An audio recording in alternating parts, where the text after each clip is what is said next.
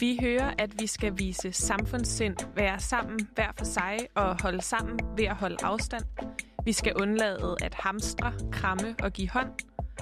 Den pandemi af coronavirus, som vi befinder os midt i lige nu, den har lært os nye ord og ændret den måde, vi arbejder og er sociale på. Det har den først og fremmest, fordi det er et kæmpe, en kæmpe sundhedsmæssig udfordring. Men coronakrisen, som den også kaldes, er også tæt forbundet med økonomi og økonomiske prioriteringer. I Danmark har regeringen, med opbakning fra hele Folketinget, vedtaget kæmpe store hjælpepakker for at holde hånden under økonomien. Men hvor kommer alle de penge pludselig fra? Er der en grænse for, hvor meget staten kan hjælpe? Hvilken rolle spiller økonomien i coronakrisen? Og hvad kan økonomer sige om, hvor vi er på vej hen? Trade deal between the United States and China. En periode med arbejdsløshed i Danmark. Arbejdsudbuddet vokser, men nominalt princip, der lige så langsomt udhuler blandt andet boligbeskatninger. Finanstilsynet advarer nu mod den digitale myndighed. Pengene skal kunne flytte sig med lynets hast hen over grænserne mange gange om dagen.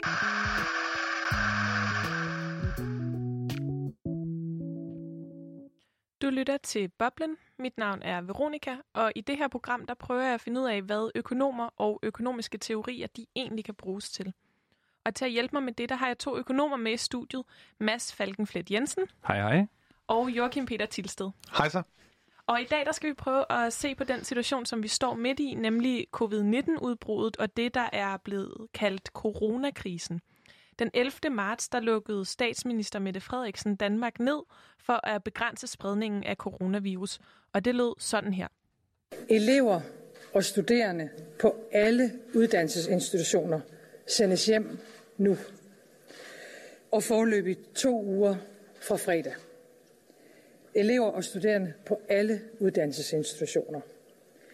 Alle indendørs kulturinstitutioner, biblioteker, fritidstilbud med videre lukker nu og forløbigt to uger fra fredag.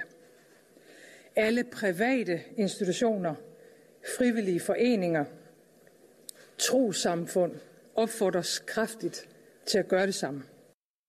Ja, sådan her lød det, da Mette Frederiksen altså lukkede landet ned, og rigtig, rigtig mange mennesker blev sendt hjem, og øh, i en eller anden form for selvisolation, kunne man måske kalde det. I dag der skal vi dykke ned i nogle af de økonomiske problematikker og diskussioner, som er kommet op i forbindelse med håndteringen af coronakrisen.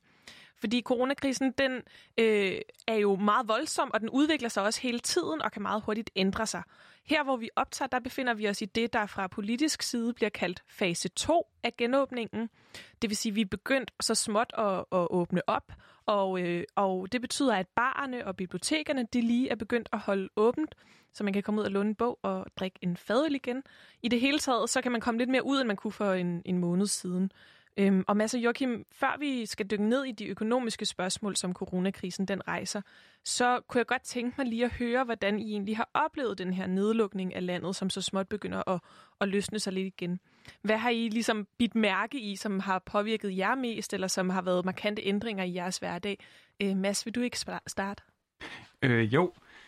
Jamen, hvad har jeg bemærket? Jeg har været hjemsendt øhm, siden øh, ja, i et par måneder efterhånden. Jeg ved snart ikke, hvor længe jeg har været hjemsendt og har arbejdet hjemmefra, og har ikke set nogen familiemedlemmer øh, siden alt det her. Det er ligesom begyndt, jeg er jo jyde, så hele min familie er i, øh, i Jylland, og jeg selv sidder i København. Så det har da været øh, ret anderledes end en almindelig hverdag for mig. Jeg tror, jeg tror noget af det, jeg synes, der har været ret vildt, det er, at det har været et verdensomspændende fænomen, som har påvirket alle menneskers hverdag. Så selvom jeg har øh, haft kontakt med, med venner øh, eller andre, jeg der har boet på den anden side af verden, så har der ligesom været den samme ting, der har påvirket vores hverdag på lignende måder. Og det der at opleve et globalt fænomen med sådan kraft, det, øh, der, der, der griber ind i alles liv på, en, på noget, på øh, forskellige vis, men på noget lignende måde, det er ret vildt. Ja, jeg tror for mit eget vedkommende, så har det været sådan en situation, som på en eller anden måde øh, har været meget voldsom på den ene side, men på den anden side noget, jeg ikke rigtig har lagt mærke til. Så det er først ret meget hen ad vejen, at jeg har opdaget, øh, hvordan at, øh, at, at det egentlig påvirkede mig måske ikke at være så social. Altså det tog ret lang tid for mig, at det gik op for mig, at jeg synes, at det var, at det var voldsomt øh, pludselig ikke at kunne være lige så meget ude, som jeg plejede. Øhm, og noget af det, som virkelig har fyldt i den politiske debat omkring coronakrisen, det er jo økonomien. Det er ikke kun, hvordan vi selv har oplevet det, at vi har været hjemsendt, men også, hvordan økonomien den, den spiller en rolle for, øhm, for coronakrisen, og vi har set en stigning i antallet af arbejdsløse både i Danmark og i udlandet. Staten har udskrevet en hel masse store hjælpepakker, der nok har fået mange til at spørge sig selv, altså hvor kommer alle de her penge fra lige pludselig? Øhm, og vi skal understrege, at det selvfølgelig er en situation, der er under konstant udvikling, men i det her program, der vil vi prøve at belyse nogle af de relevante spørgsmål, som er kommet op i forbindelse med økonomien i coronakrisen, for at vi sammen kan blive bedre til at tage stilling til og diskutere de tiltag, som bliver taget fra, fra politisk økonomisk hold. Og til at hjælpe os med det, der har IMAS og Joachim interviewet to forskere. Og den ene, det er Jeppe Droedal, der er jung ved Økonomisk Institut på Københavns Universitet, og han har været meget aktiv i den offentlige debat, blandt andet på sin blog på Dagbladet Information, og han præsenterer lige sig selv her. Jamen, jeg hedder Jeppe Grodal, og jeg er adjunkt. Ja, og den anden, det er Mikkel Torup, der er professor i idehistorie ved Aarhus Universitet, og Mikkel Torup, han har som idehistoriker blandt andet beskæftiget sig med den måde, økonomi bliver diskuteret på, og den rolle, som økonomi spiller for samfundet. Og så har han netop udgivet den allerførste bog på dansk om coronakrisen. Han har været enormt effektiv og udgivet bogen Pandemiens tidsalder, idehistorier om vores lange nu, som blev udgivet 1. maj 2020 af magasinet Atlas. Og han præsenterer lige sig selv her. Mikkel Thorup, øh, professor i idéhistorie ved Aarhus Universitet. Så med perspektiver fra både en økonom og en idehistoriker, der skal vi i dag undersøge, hvad der indtil videre kan siges om coronakrisens betydning for vores økonomi og vores samfund, og hvilke spørgsmål coronakrisen rejser om vores fremtid.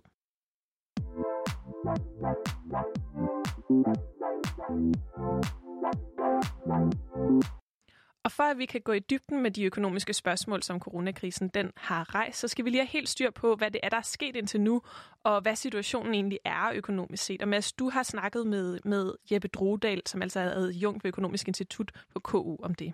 Ja, det har jeg. Og øhm, noget af det allerførste, jeg spurgte Jeppe om, det var ligesom, om han ikke kunne, øh, kunne fortælle mig lidt om status på, hvordan det er gået indtil nu, bare sådan i de øh, helt overordnede nøgletal. Så man kan sige, at, at, at det som vi, vi, har, vi, har, vi har set, vi har, man kan sige, tal, tal, tal for økonomien kommer altid sådan lidt, lidt forsinket, men, men, men de, man kan sige, de bedste tal, vi har, det er for arbejdsmarkedet. Der ved vi, at, at cirka 50.000 flere er blevet ledige, og vi ved, at øh, mere end 150.000 medarbejdere er kommet øh, på, løn, på lønkompensation, så altså de, de er sendt hjem og, og arbejder øh, ikke.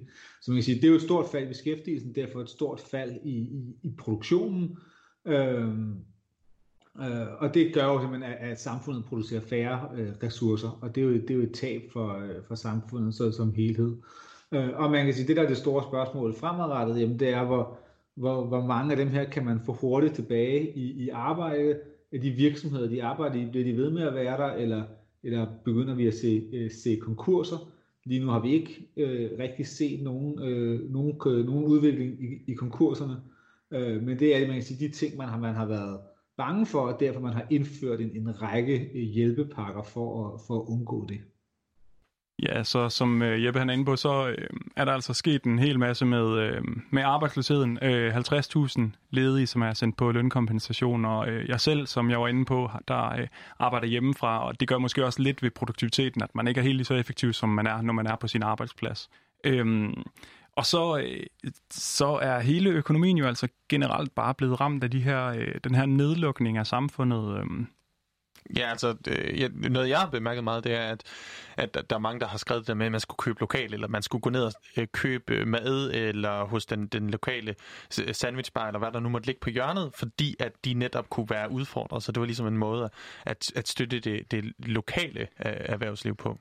Ja, jeg talte med mit eget lokale øh, pizzeria eller sådan kebab falafel sted øh, som fortalte, at øh, deres omsætning er altså faldet med 80 procent øh, efter den her nedlukning. Og nu er det så småt ved at gå op igen, ikke? men de har altså også hjemsendt alle deres medarbejdere, så vi holder også øh, en dag om ugen, så er vi lige ned og hente en falafel dernede. Øhm, men altså så, øh, så har vores regering jo sat gang i en masse hjælpepakker, og så har vi ligesom prøvet på at, at at sætte gang i øh, økonomien, eller i hvert fald at holde gang i økonomien. Og, øh, og det har jeg også talt lidt med Jeppe om, og det er et lidt langt klip, men Jeppe han redegør ligesom for de her forskellige faser og hjælpepakker, øh, hvor der er tre forskellige faser af hjælpepakker også, øh, og, og hvad den sådan hensigten med de her pakker har været. Så man kan sige, at man har lidt taget det her i tre, i tre etapper på en eller anden måde. Så man kan sige, at den første problematik er, at når man, når man lukker ned, som, som man har gjort, jamen, så er der en masse virksomheder, der mangler nogle, øh, nogle, nogle indtægter nu og her, og de står måske med nogle regninger, de skal betale, de, de leger i nogle lokaler, eller de, de har andre faste udgifter. Øh, så dem har man i første gang at sige, at de skal have mulighed for at, for at kunne låne øh, de, de her penge, enten i, enten i banken eller gennem andre ordninger, eller de skal betale øh, deres skat senere, så, de, så det vi siger, det er, at vi siger, at vi har sikret deres øh, likviditet. Så det har været sådan det første skridt. Så det næste skridt var så at sige, okay, men der er simpelthen så store tab i de her virksomheder, så det handler om, at vi skal simpelthen ind og støtte de her, øh, de her, de her virksomheder og øh, virksomhedens øh, ansatte. Og der har man simpelthen lavet nogle ordninger, som gør, at man har kompenseret øh, de virksomheder, som øh, er blevet nødt til at lukke, at, at lukke ned. Man har kompenseret dem for deres øh, faste udgifter, og man har så samtidig også kompenseret øh, deres ansatte i form af, at staten har betalt en, en, en del af de ansattes løn op til en, til, til en vis grænse, ud fra ideen om, at så blev, øh, så blev virksomheden ikke, ikke nødt nød til at fyre de her, de her ansatte, men, men beholdt, kunne beholde sine ansatte, og derfor så blev det nemmere at komme i gang igen øh, efter øh, den her øh, nedlukningsperiode. Den tredje etape har så været at sige, at man også har begyndt at se, jamen, at der ikke bare har været problemer de steder, hvor man har lukket ned, eller de steder, hvor der ikke er kunder på grund af sundhedsfare, men der har også været tendens til, at man har set arbejdsløshedsstigninger i industrien og i byggeriet, som egentlig godt kunne fortsætte med at med at producere. Og det tyder mere på, at man, at man har haft øh, efterspørgselsproblemer her. Og der har man blandt andet så, så gået ind i og, og, og har fremrykket nogle, nogle investeringer i kommunerne med at renovere skoler og, og, og veje øh, og lignende øh, som egentlig er for, for at understøtte øh, efterspørgselen. Det er noget, noget af det, man diskuterer meget nu. Skal man gå mere i den her retning med at føre øh, øh, såkaldt aktiv eller ekspansiv øh, finanspolitik? Ja, så Jeppe han redegør her for de tre faser med, øh, med hjælpepakkerne, at man ligesom har startet med, at, øh, at vi ligesom har, som vi hørte med det Frederiksen sige i starten, øh, tilbage i marts, øh, at lukke samfundet ned og simpelthen sende en masse øh, arbejdere hjem til at arbejde hjemmefra osv. Og det, der så har været rigtig vigtigt i starten, det har været at sikre virksomhedernes likviditet. Det vil sige at sikre, at virksomheden ligesom kan betale deres faste udgifter, øhm, og at de ikke går øh, bankerot, altså simpelthen helt fra starten af, fordi de pludselig ikke har nogen indtægter længere. Øhm, det næste, man så gjorde i anden fase, det er den her lønkompensation og støtte de faste omkostninger, hvilket jo handler om at sikre, at øhm, at arbejderne ligesom ikke mister forbindelsen til deres arbejdsplads. Fordi så vil, øh, så vil arbejdsløsheden blive meget, meget mere langstrukket, mener man. Og derfor så har, har det været ret vigtigt, at man har øh, holdt fast i den forbindelse mellem medarbejdere og, øhm, og arbejdsplads. Også fordi det her ligesom er sådan en midlertidig krise, antager man. Og, og derfor så kommer vi ligesom altså tilbage til, hvor vi var før krisen. Håber vi. Selvfølgelig. Og, og til sidst så har man så, øh, som man er begyndt at diskutere nu, øh, forsøg på at øge efterspørgselen. Det vil simpelthen sige at, at sikre, at vi stadigvæk går ud og øh, køber ind. Og, altså, det er jo især supermarkederne, der, der har samme indtjening, som de plejer. Og så har vi jo ellers holdt op med at gå i teateret, eller holdt op med at bruge penge på alle mulige andre ting. Og det er, det er ligesom de tiltag, man har gjort øh, med de her hjælpepakker.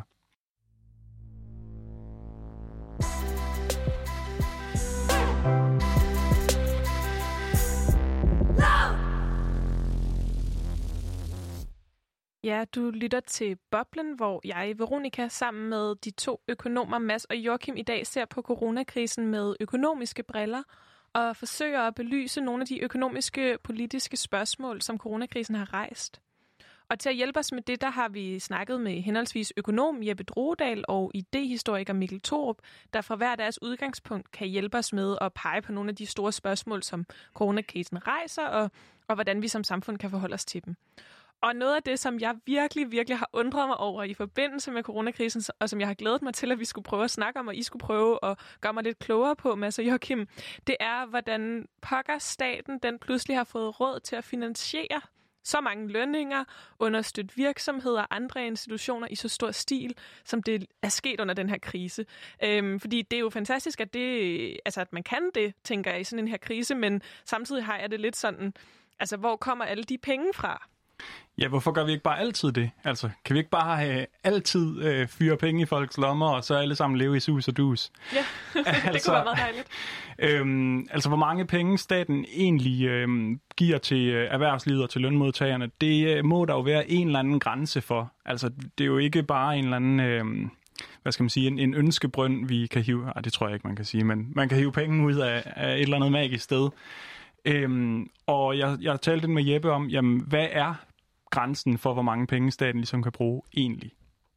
Det er afgørende at sige, at man kan ikke rigtig sammenligne en statsøkonomi og en husholdningsøkonomi. Det er ret, det er ret forskelligt.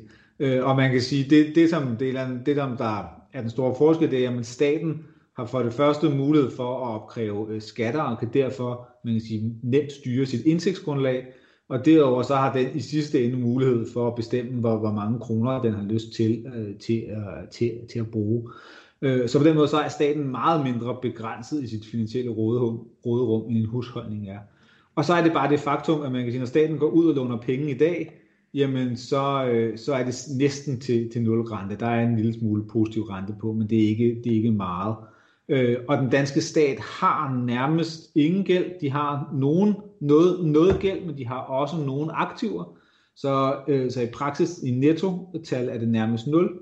Øh, og derfor så kan staten gå ud og låne hundredvis af milliarder, før at, øh, at renterne på de, på de danske statsobligationer øh, rykker sig efter min øh, bedste vurdering.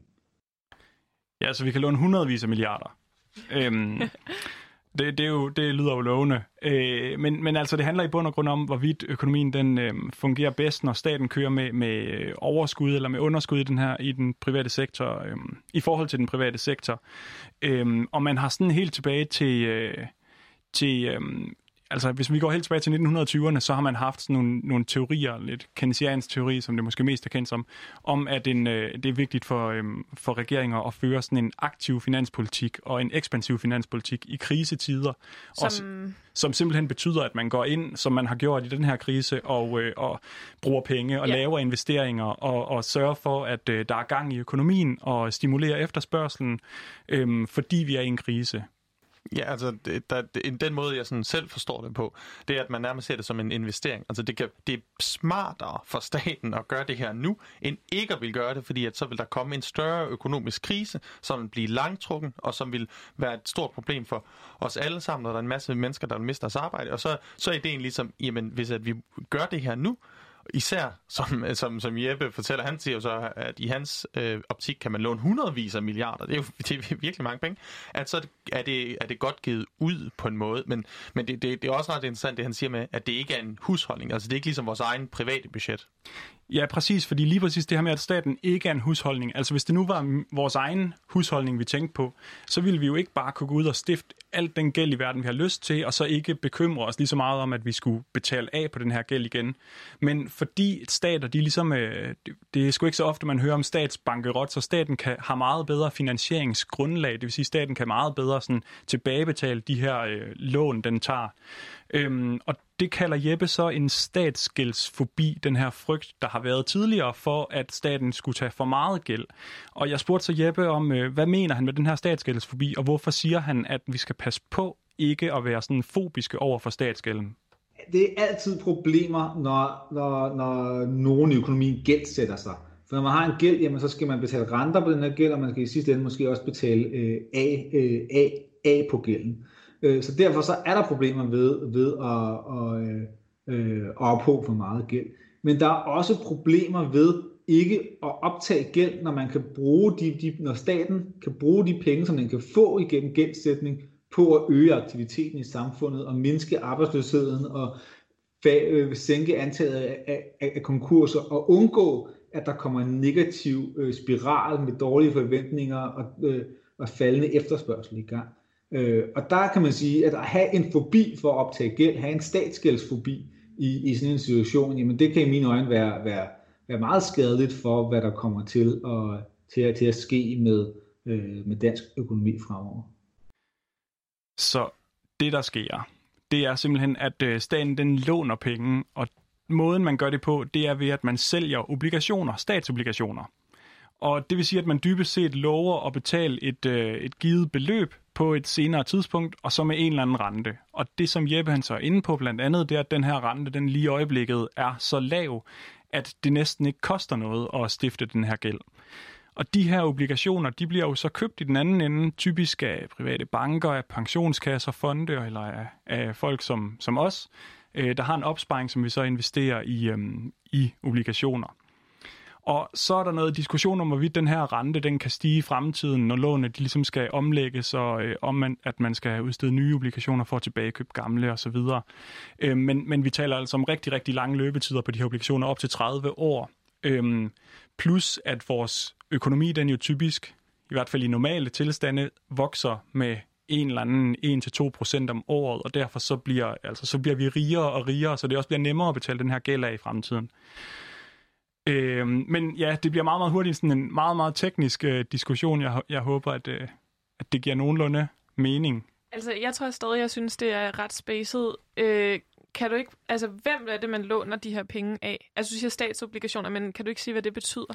Jamen, det betyder dybest set, at øhm, altså i Danmark, der har vi jo vores egen valuta, vi har danske kroner, og vi har vores egen øh, centralbank, som ligesom udsteder de her kroner. Og det betyder, at, at vores stat egentlig bare sælger nogle obligationer, som er sådan et IOU, et gældsbevis.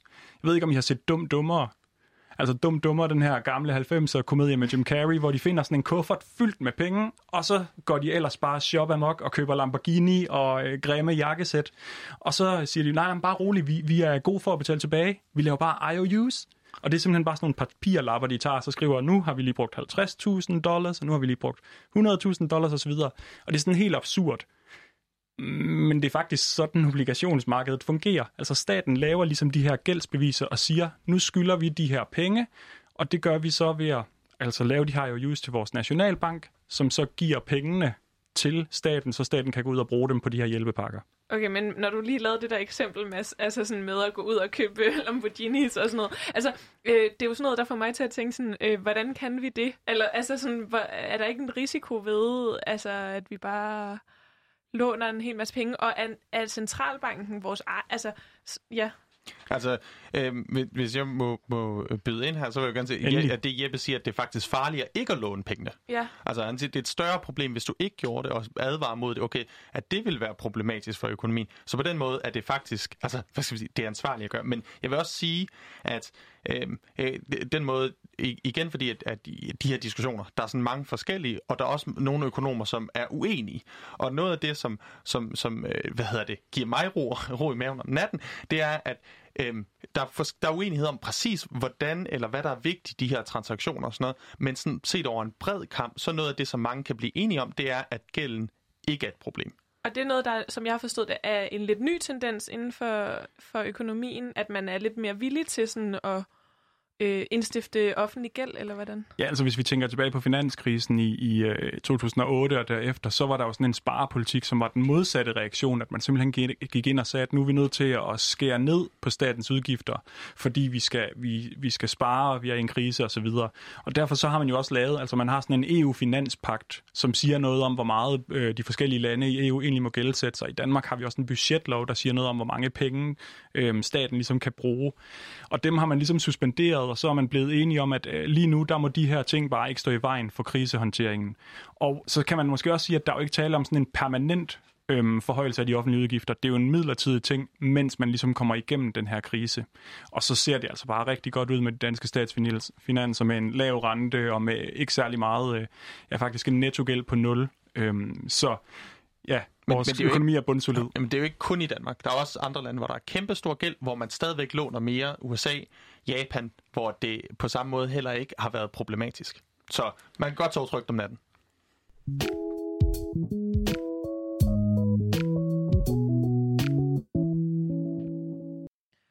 Okay, så nu har vi hørt lidt mere om, hvorfor det lige pludselig kan lade sig gøre for staten at betale de her mange hjælpepakker. Det handler om, at man har mulighed for at indstifte øh, offentlig gæld, og det har nogle andre, øh, det, det er der nogle andre muligheder i, end hvis jeg gik ud og tog et stort lån. Altså det er mindre risikabelt for staten at gøre, end hvis jeg øh, tog et, et kviklån.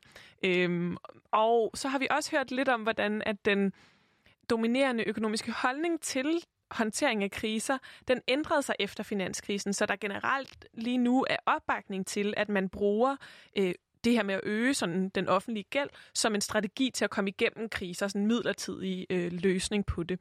Øh, men noget, som virkelig også fylder meget lige nu, hvor vi så småt er begyndt at åbne samfundet igen, det er hele spørgsmålet om, hvordan genåbningen den skal finde sted, og også hvilke langsigtede konsekvenser, som coronakrisen den måske kommer til at have i forhold til økonomien. Jeg har for eksempel selv undret mig over det her med, at store centre får lov til at åbne før museer, og altså, hvad ligger der lige af tanker bag det? Og der har jeg tænkt på, sådan, hvilken rolle økonomien den egentlig spiller for genåbningsstrategien. Det øh, kan jeg sådan set godt forstå, at du har øh, tænkt over. Det øh, tror jeg, der er rigtig mange, der har tænkt over. Øhm, altså, vi er jo stadigvæk ved at genåbne økonomien, og så spurgte jeg Jeppe, jamen, er det noget, man gør ud fra hensyn til forskellige særinteresser, altså forskellige lobbyorganisationer, der siger, nu skal vi åbne teatre, eller nu skal vi åbne de her virksomheder, eller, eller noget andet? Øhm, er det faglige overvejelser i forhold til sundhed eller økonomi, eller hvad er det egentlig? Og prøv at høre, hvad han siger. Det er så ikke klart for mig præcis, hvordan man har valgt hvilket, hvilket dele, der fik lov til at, til at åbne, øh, hvornår. Øhm, og man kan sige, det er ikke et nemt, det er ikke et nemt, nemt spørgsmål, hvordan at man, man, man skal gøre det. Man kan sige, man åbnede først, først skoler og, og børneinstitutioner, fordi det var nødvendigt for, at, at forældre, der havde, der havde mulighed for at kunne arbejde hjemme, faktisk kunne arbejde hjemme, fordi, fordi de ikke skulle passe børn. Det, det tror jeg var, var, det, var, det rigtige, var det rigtige valg. Og så kan man sige, at derefter, så er det rent økonomisk set, jamen så er det, så er det interessant at åbne op der, hvor det er nogle brancher, som, øh, som er vigtige for andre brancher, som man kan sige på den måde er systemisk øh, vigtige, hvis, øh, hvis man kan finde frem til sådan nogen, og brancher, hvor man kan, hvor man kan producere øh, uden, at, uden, uden at smittefaren er, øh, øh er, er særlig øh, betydelig. Og det kan man så prøve at plotte ind i en figur, hvilket, hvilke brancher ligger hvor, så kan man, har man nok nogenlunde prøvet at styre øh, styre efter det. Men man kan sige, at i praksis nu er man jo meget tæt på at have åbnet op for, øh, for langt, langt det meste, øh, med nogle sådan nogle, re, nogle restriktioner i, øh, i øh, hotel, øh, restaurations- og, og, og turismebranchen, øh, og nogle egentlige øh, forbud mod øh, koncerter og fodboldkampe og øh, festivaler og, og sådan noget. Ja, så, øh, så det er heller ikke helt klart for, øh, for Jeppe her, hvad det egentlig er for nogle overvejelser, men, men altså man har ligesom prøvet på at, at tænke, okay, børnepasning, det, øh, det handler selvfølgelig om det, jeg var inde på tidligere, også med produktiviteten, når man arbejder hjemme, og hvis man så skal passe sine egne børn osv., så, så er det sgu øh, nok lidt svært at have øh, fire hænder. Øhm, og derudover så... Øh, ja, så handler det jo også om den her smittefar, som især er sundhedsfagligt ikke. Og, øh, og så måske lidt mindre økonomifagligt, øhm, ud over de her strategiske positioner, som de er inde på. Men på lidt længere sigt, når vi ligesom genåbner økonomien, hvad, hvad er det så egentlig for nogle konsekvenser, det her det kommer til at få for vores økonomi? Og det er måske lidt svært at spå om, men det har jeg i hvert fald også talt med Jeppe om. Hvis vi, hvis vi forestiller os, at det, det, der, det, det, der sker lige nu, det er, at vi mere eller mindre øh, åbner, åbner det meste øh, op over, over, eller åbner sådan resten op her over de kommende måneder på nær nogle, nogle få øh, tilfælde, og vi ikke ser, at arbejdsløsheden øh, falder, at vi ikke ser alle dem, der på lønkompensation nu kommer, kommer tilbage i, i job, jamen så er det nødvendigt, at man siger, at det er ikke naturgivende, at det skal udvikle sig sådan. Det kan man gøre, gøre, gøre noget ved. Der kan man føre, føre aktiv, øh, øh aktiv øh, finanspolitik øh, og sætte gang i hjulene øh, på den måde og begrænse, og begrænse det. Øh, og det, det synes jeg virkelig er en vigtig ting at, øh, at, at, at gøre det. Men det kan, det kan være svært at undgå helt, at der kommer nogen, øh, nogen, nogen stigning i ledigheden, især hvis udviklingen er dårlig i udlandet. Øh, fordi eksportvirksomheder, der eksporterer, der uanset hvor meget man øger den indlandske e, efterspørgsel, så er det ikke, ikke oplagt, at man kan efterspørge de varer, som de virksomheder producerer. Og så, øh, og så står man i, i, i en problematik. Så jeg tænker specielt det sidste, Jeppe han her inde på, at hvis udlandet de ligesom har en, en, øh, en meget, meget slem krisesituation, øh, som trækker meget ud, og det så påvirker de danske eksportmarkeder, som for eksempel ja, USA kunne man godt være lidt bekymret for, hvad der sker derovre. Øhm, fordi det betyder jo så også, at de danske virksomheder, der producerer en masse varer, som man køber på de amerikanske markeder, jamen hvis de pludselig hvis man pludselig ikke sælger de varer til USA længere, så øh, kommer det jo også til at koste arbejdspladser herhjemme på lidt længere sigt. Og det kan blive et kæmpe stort problem.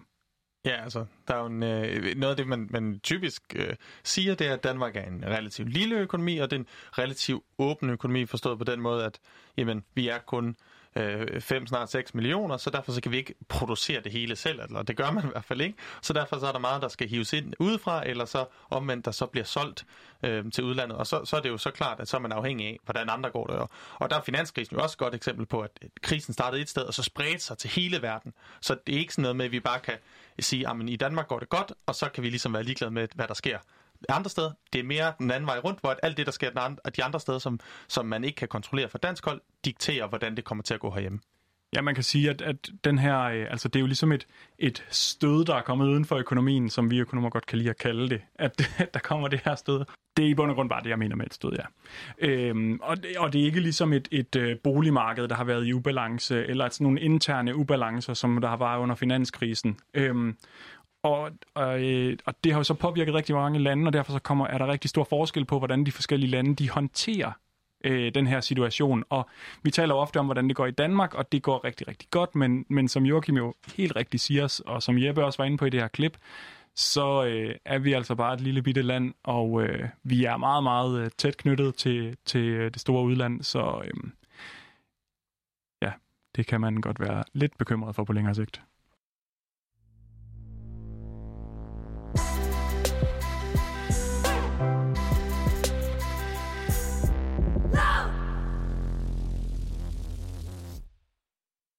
Du lytter til Boblen, hvor jeg, Veronika, sammen med Mads og Joachim, der begge er økonomer, i dag undersøger de spørgsmål, som coronakrisen den har rejst ved samfundsøkonomien. Og vi har lige hørt om økonomiens rolle for genåbningsstrategien og om, hvilke konsekvenser den indtil videre ser ud til, at coronakrisen kan få for økonomien.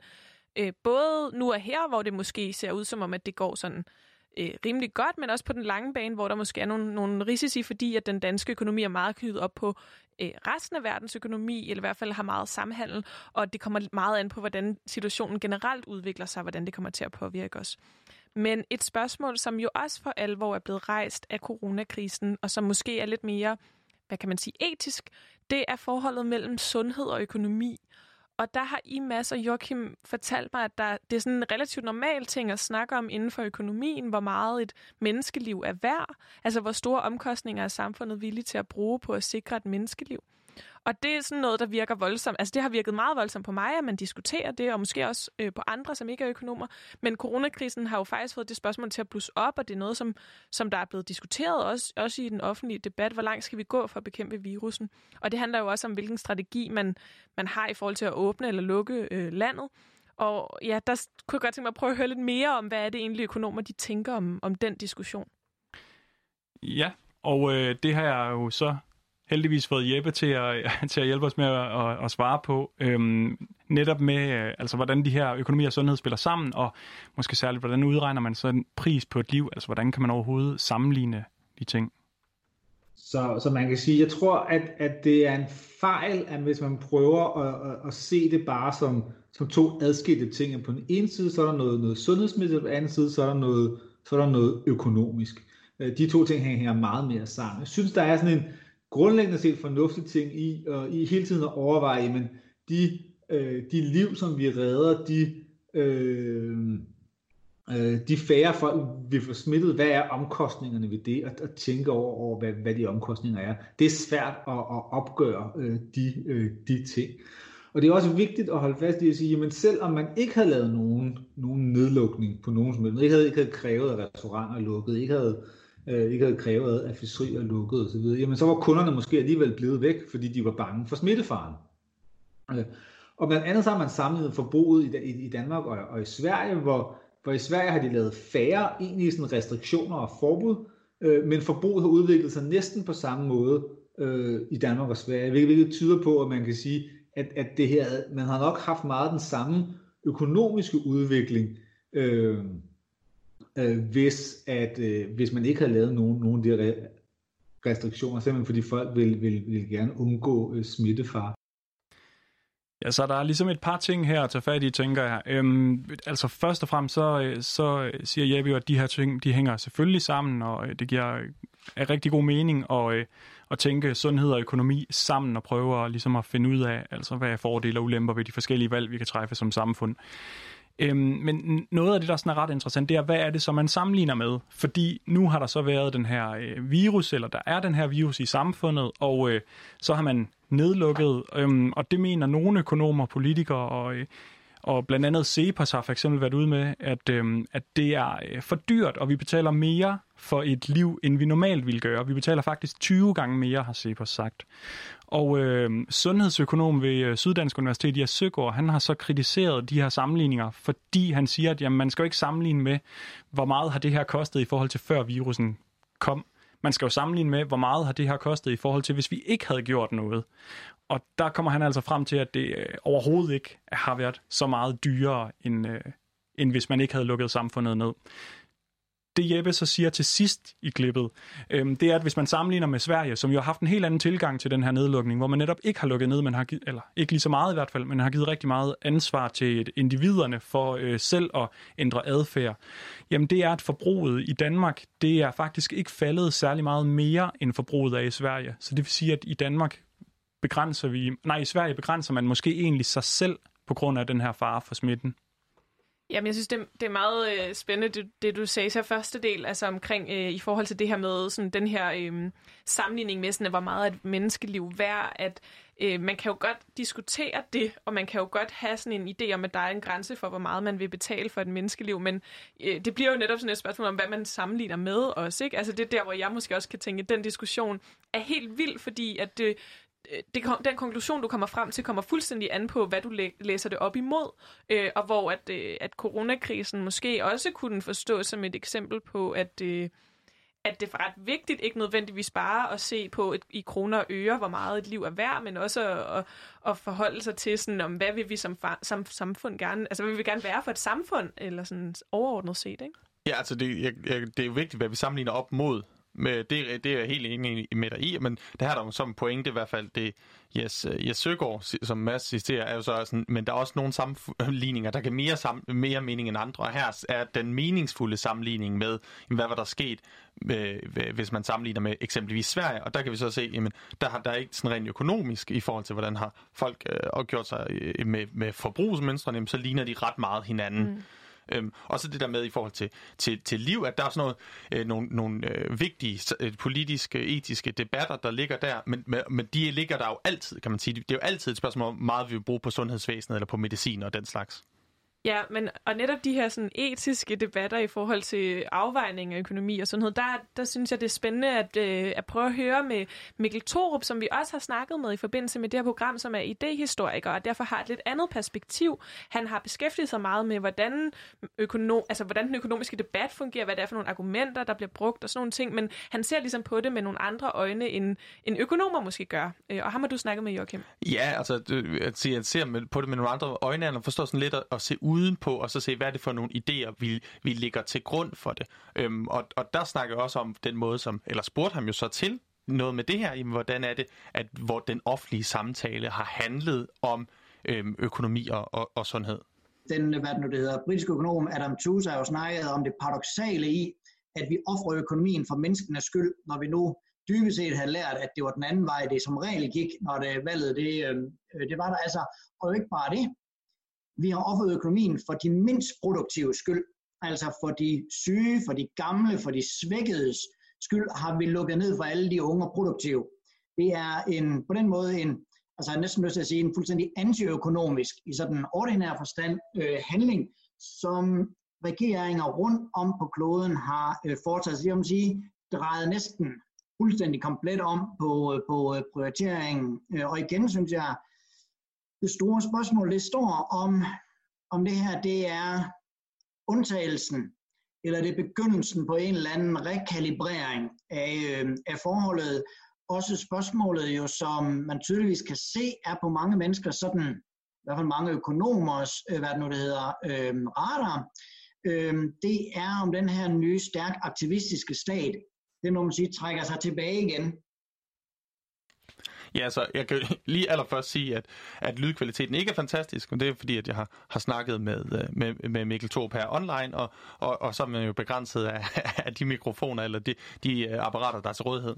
Men øh, det, han jo så refererer til her, det er, at ved at prioritere nedlukningen før alt andet, eller så har man faktisk produkt, været prioriteret alle dem, der har været sårbare, over dem, som måske godt kunne klare virusen. Sådan nogen som os, som, som godt kunne have, have, hvad hedder det, eller som ikke i samme grad har været, i, have været i, i farzonen. Og at den prioritering er noget, som vi gør som samfund, men som ligger imod den der sådan strengt økonomiske tankegang. Ja, altså når du siger sådan nogen som os, så mener du i forhold til for eksempel, at det rammer, øh, rammer unge langt øh, mindre slemt, end, end det for eksempel øh, rammer ældre, ikke? Og man har ligesom valgt alligevel at prioritere og sige, jamen øh, vi prioriterer nedlukningen for at redde øh, de ældre liv, selvom man kunne tænke, hvis man skulle være sådan strengt øh, med den her økonomiske beregnende tilgang, som jeg synes er sådan helt vild jo, men som jo, jo egentlig er, er noget, man normalt gør, eller i hvert fald har domineret på mange måder, Øh, hvor man måske vil sige, at vi tager risikoen, fordi at øh, økonomisk set, så giver det mere, øh, mere mening at, at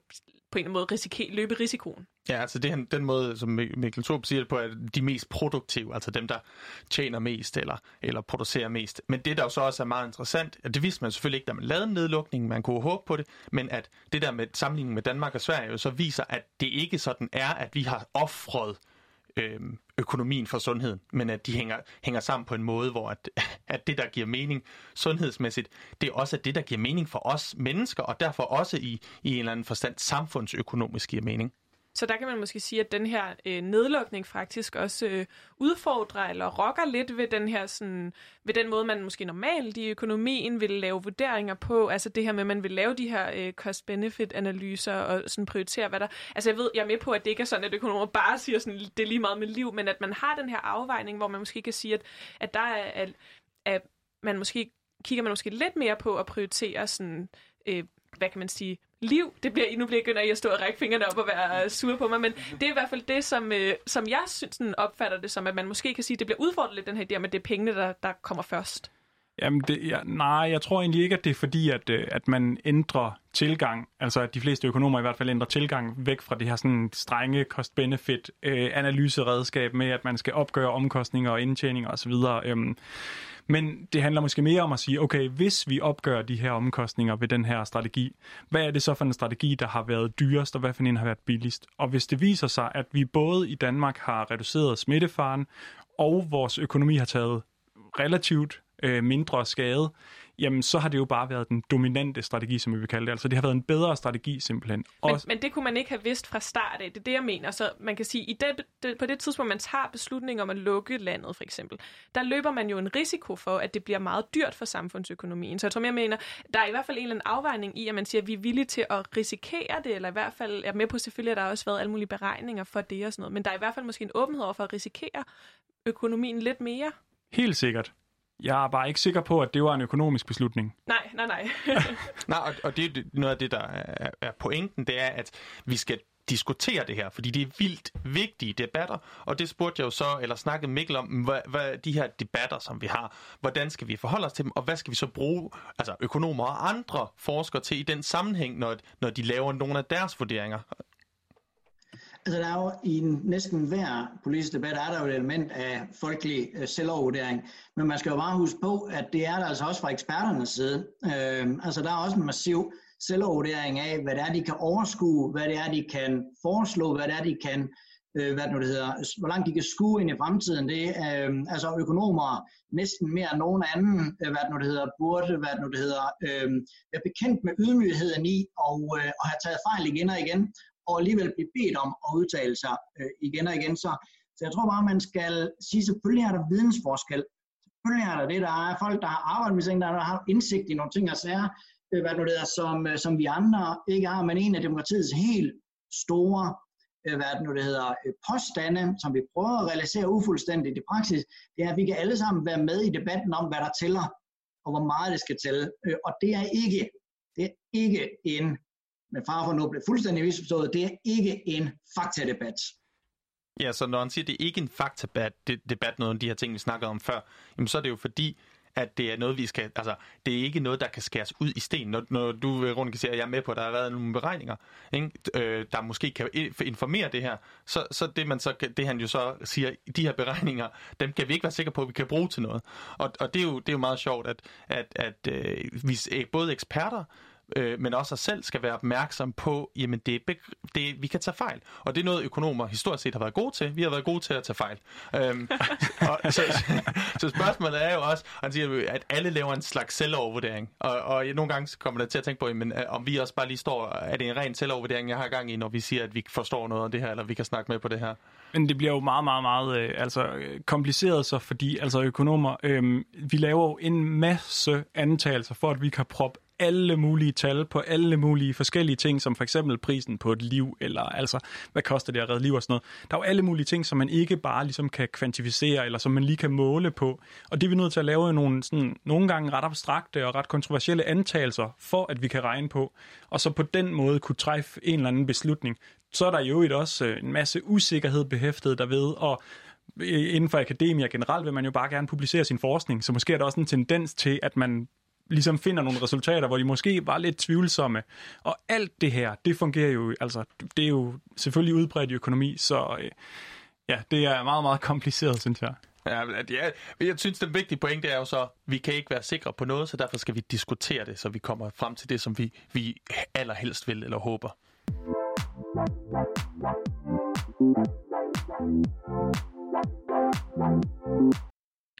Udover det etiske spørgsmål om, hvad et menneskeliv er værd, så har coronakrisen også rejst nogle mere fundamentale spørgsmål omkring den måde, som vores samfund og økonomi er indrettet på. Og Mikkel Torup, som er idehistoriker, som vi taler med i det her program, han har netop udgivet en bog med afsæt i coronakrisen. Og i indledningen, der skriver han sådan her. Pandemien får ikke kun de smittede til at hoste, lide og måske dø. Den får også samfundet til at fremvise symptomer. Og han peger i den bog og i indledningen derpå, hvordan pandemien den tydeliggør nogle mønstre og tendenser ved samfundet, som måske har været svære at se før, og måske også åbner op for, at vi kan prøve at gentænke nogle af de måder, som vi har indrettet samfundet på. Ja, og netop det der med, at vi kan ændre på nogle ting, det er ret interessant, fordi der har været øh, en masse forslag ude, og økonomer forskellige er ved at sige, jamen, hvordan skal vi gøre tingene både nu og i, i fremtiden, og ændre det her noget for, for samfundet. Og, og det spurgte jeg jo så Mikkel, øh, Mikkel ind til, hvordan at, øh, han, han øh, siger, at vi skal forstå det her. En af de ting, der indikerer, at vi muligvis er på vej mod en lidt anden situation igen. Jeg tror ikke, vi er på vej mod en dramatisk anden situation, men lidt anden institution er en, en leder, jeg vil foreslå alle at læse, som er fra Financial Times her den 4. april øh, i år, hvor de reelt advokerer for massiv statslig indblanding i økonomien, større beskatning, større omfordeling. De åbner en spørgsmål omkring, øh, hvad den hedder, borgerløn. Altså der er helt klart en leder der fra, at nogen man i hvert fald ikke kan påstå, stå på sådan den radikale progressive side, som reelt siger, meget af det, vi var mod før, det må vi nu betragte som ikke bare en naturlig, nødvendig, men også en gavnlig øh, hvad det nu hedder, ny horisont for den, øh, for den politiske debat. Så det bliver vildt spændende at se, om de om, man siger, om to måneder laver en, en leder, der sagde, undskyld, vi var lige lidt fulde der, og var altså lidt corona-kulder. Øhm, eller, eller det faktisk bliver sådan, at økonomer har lært, at, og politikere imens har lært, det bliver enormt vigtigt, og markederne måske har lært, at, øhm, at hvad skal vi sige, spillerummet for det mulige er væsentligt større, end vi er blevet, blevet belært om. Ja, så han siger, at spillerummet for det mulige er større. Politisk stor for, politisk forandring kan måske godt lade sig gøre, og det, det er interessant er også med statsgælden. Jamen det kan godt lade sig gøre at tage helt meget gæld. Der, der er ligesom nogle ting, som vi måske ikke tænkte kunne lade sig gøre, som godt kan lade sig gøre. Ja, vi har jo selv skrevet de her regler om uh, finanspakten, jeg var inde på, og øh, om øh, budgetlov og så videre, at vi ikke må tage den her offentlige gæld, og det er så de regler, vi nu pludselig smider lidt ud af vinduet, fordi shit, øh, så kan vi godt alligevel. Ja, han nævner selv borgerløn som eksempel, som er, at du giver penge til alle i, i et samfund ind på overførselen fra staten, og der er ligesom, som, som er noget, som Financial Times foreslår. Så, så der er flere forskellige øh, aspekter på spil her. Men øh, jeg vil sige, jeg, sorry Mads, men jeg vil sige, at så spurgte jeg jo så Mikkel Thorup om, øh, men hvis han kunne bestemme om, hvad vi skulle være opmærksom på eller se på her, jamen, hvad, hvad, hvad vil han så gøre? Altså, jeg tror, jeg vil insistere på, at økonomer er en ekstremt vigtig og nødvendig stemme i den økonomiske debat, men de er kun en af stemmerne. Øh, og at vi, ligesom vi på alle mulige andre livets vilkår, gerne vil have at andre også blander sig, øh, hvad det nu det hedder, øh, og at vi synes, at vi selv blander os, så tror jeg, at vi skal lære, at den økonomiske debat skal være befolket af andre også. øh, og at det økonomiske ikke er sådan en, en ting uden for alle de andre ting, øh, eller er en meta-ting ovenover øh, alle de andre ting, men dybest set bare er en ting, øh, hvad det nu hedder, og det meste af det er, er faktisk ikke særlig kompliceret, øh, hvad det nu hedder. Øh, og det, den anden øh, væsentlige ting, måske også bare, øh, nu har vi bare snakket økonomi og økonom og økonomisk videnskab, sådan i, i hårdt ental, øh, hvad det nu det hedder, men det er jo også væsentligt at have med i, at der er stor uenighed. Selvfølgelig er det, og det udfordrer ikke, at økonomien er en videnskab, at der er uenighed, det er noget, der betinger, at det er en, øh, en øh, videnskab, øh, hvad det nu hedder, og at der er mange forskellige stemmer, der er en uendelighed af forskel Ja, der er en uendelighed af forskel, kan der være mellem forskellige stemmer, siger Mikkel her, øh, Torp her til sidst. Og det er jo øh, det, det er, hvad hedder det, interessant så, at han siger, at det der med, at vi blander os eller snakker om de her ting, øhm, og at økonomi er en af de aspekter, der spiller ind i den samtale, øh, og vi alle sammen blander andet, det siger han, det kan være betolket som et demokratisk sundhedstegn. Så selvom nogen siger, ah, at det er kun galt, når der er en masse, der udtaler sig, at de ikke har forstand på noget, at faktisk er det vores ret, eller en, en af demokratiets hjørnesten, at vi skal blande os og diskutere de her ting. Ja, det er jo et meget spændende perspektiv, synes jeg, i, øh, i den her øh, tid, fordi at man kan sige, jeg tror, at der er rigtig mange, der måske ligesom mig selv har været sådan, jeg synes godt nok, det er lidt svært at forstå, hvor alle de her penge fra, der lige pludselig bliver brugt til hjælpepakker, og man kan være nervøs for at blande sig, fordi der også er rigtig meget i forhold til sundhedsfaglige vurderinger og sådan noget, der har været ret hæftige sådan på sociale medier og sådan noget reaktioner, hvis nogen har prøvet at udtale sig omkring den strategi, der er blevet valgt. Øh, så det kan jo også godt gøre det, at man føler, at, det er lidt, at man er lidt usikker på at blande sig egentlig.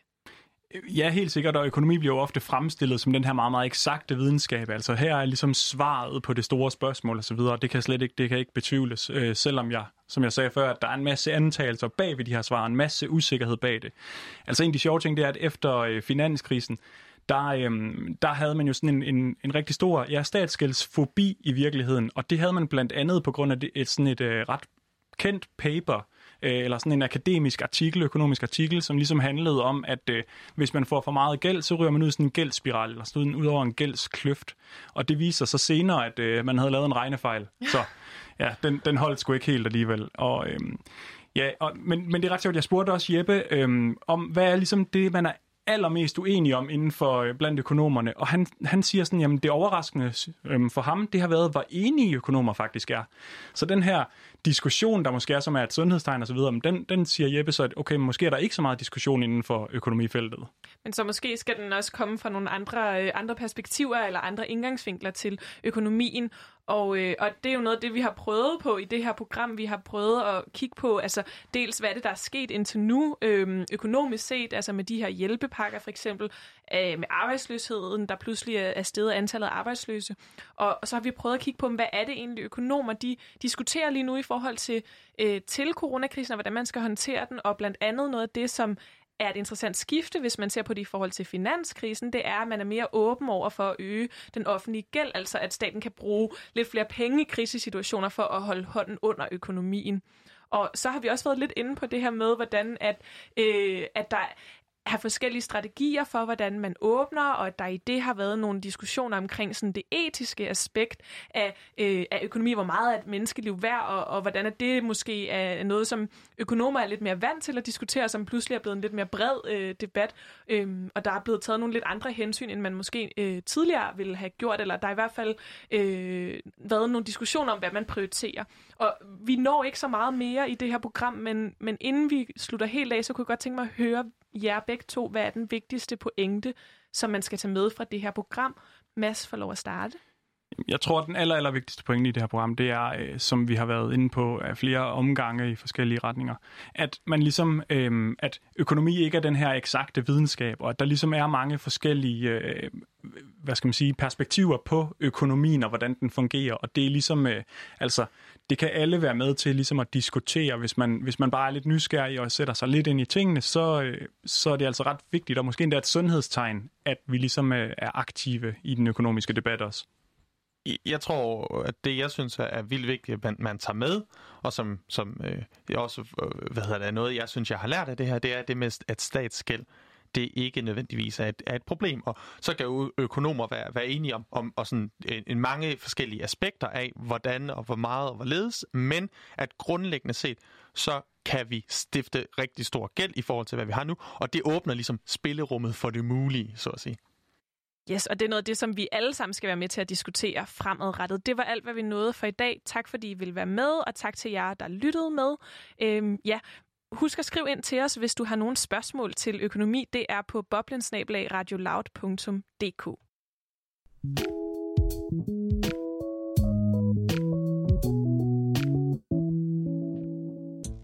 Du lyttede til Boblen. Programmet er produceret af Danske Studerendes Fællesråd. Værterne var Joachim Peter Tilsted, Mads Falkenflet Jensen og Veronika Arnsbøl Schulz. Programmet er produceret af Toge Daler, og musikken den er produceret af Esben Kjeldsen Krav. Tak til Rethinking Economics og til Jeppe Drogedal og Mikkel Torup. Og tak til jer, der lyttede med. Hvis du sidder tilbage med nogle spørgsmål til økonomi, eller hvis du har undret dig over noget, som du har hørt økonomer og andre eksperter snakke om i forhold til økonomi, så vil vi rigtig gerne høre fra dig, så vi kan lave et program om de spørgsmål, som du sidder med. Send dine spørgsmål ind til boblen eller find Radio Loud på Facebook eller Instagram. Nu er det tid til nyheder.